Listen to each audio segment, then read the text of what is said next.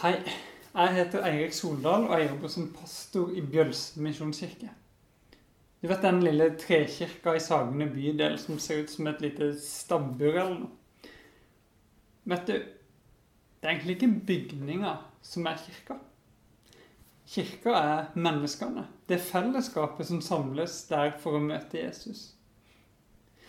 Tre søndager i måneden så pleier vi å ha gudstjeneste. Da synger vi noen sanger sammen, vi drikker kaffe, vi skravler og blir kjent. Så lytter vi til noe undervisning fra Bibelen. Noen søndag så deler vi nattverdsmåltid, et slags tilgivelsesmåltid der vi minner oss sjøl om hva Jesus gjorde på korset. Til slutt så ber vi vår far sammen, vi får høre velsignelsen, og så sendes vi ut i hverdagen vår. Vi gjør egentlig ingenting som er spesielt revolusjonerende.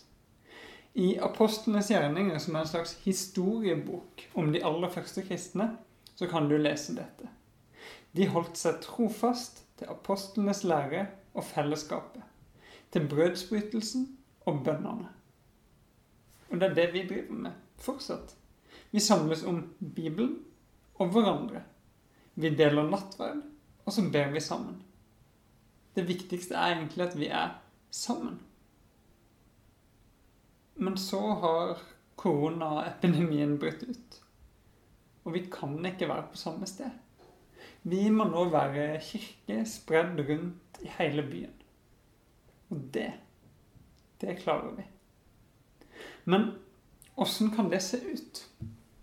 Jo, nå skal du høre. Vi kan fortsatt samles i smågrupper. Vi kan gjøre det gjennom å ha videosamtale på Skype eller Messenger eller en eller annen teknisk løsning. Og når vi da er sammen, så kan vi prate sammen, vi kan be sammen, vi kan lese Bibel sammen, vi kan vise omsorg for hverandre. Hvis du ikke er med i en smågruppe nå og har lyst til å være med, så ta gjerne kontakt med meg. Vi kan også feire gudstjenester, faktisk.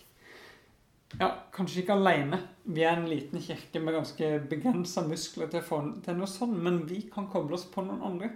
Jeg har lyst til å anbefale alle å bli med på Oslo misjonskirke Betlehem sine gudstjenester som de fremover planlegger å livestreame på Facebook. Tenk så kult det ville vært om alle vi som går i Bjølsen misjonskirke til vanlig, blei med dit. Det er en veldig god plass nå. Jeg kobla meg på gudstjenesten de sin i går, og det var en spesiell følelse av å være sammen. Fordi det skjedde live, og folk kunne bidra med kommentarer og bønner med innspill. Og jeg satt faktisk her hjemme i stua og både sang og ba mens jeg opplevde at jeg var med på gudstjeneste gjennom skjermen. Jeg tror vi skal få til en eller annen slags brødsbrytelse også. Ikke i form av nattverdsmåltid, men, men et måltid likevel.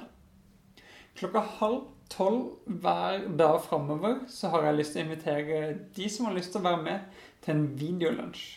Vi bruker noe som heter Google Hangout, så da er det bare å få linken og logge seg inn. Testa det ut i dag med en liten gjeng fra kirka, og det var utrolig hyggelig. Så takk til dere som var med på det. Det gjorde dagen min, iallfall. Eh, jeg kommer til å legge ut en link til hver dags lunsjsamtale på folk i Bjølsen misjonskirke på Facebook, den gruppa vi har der. Vi kan samles om gudstjeneste fortsatt, vi kan samles i fellesskap og smågrupper sammen fortsatt. Og vi kan be sammen og være i tilbedelse på gudstjeneste sammen fortsatt. Og så, til slutt, kan vi samles om Bibelen.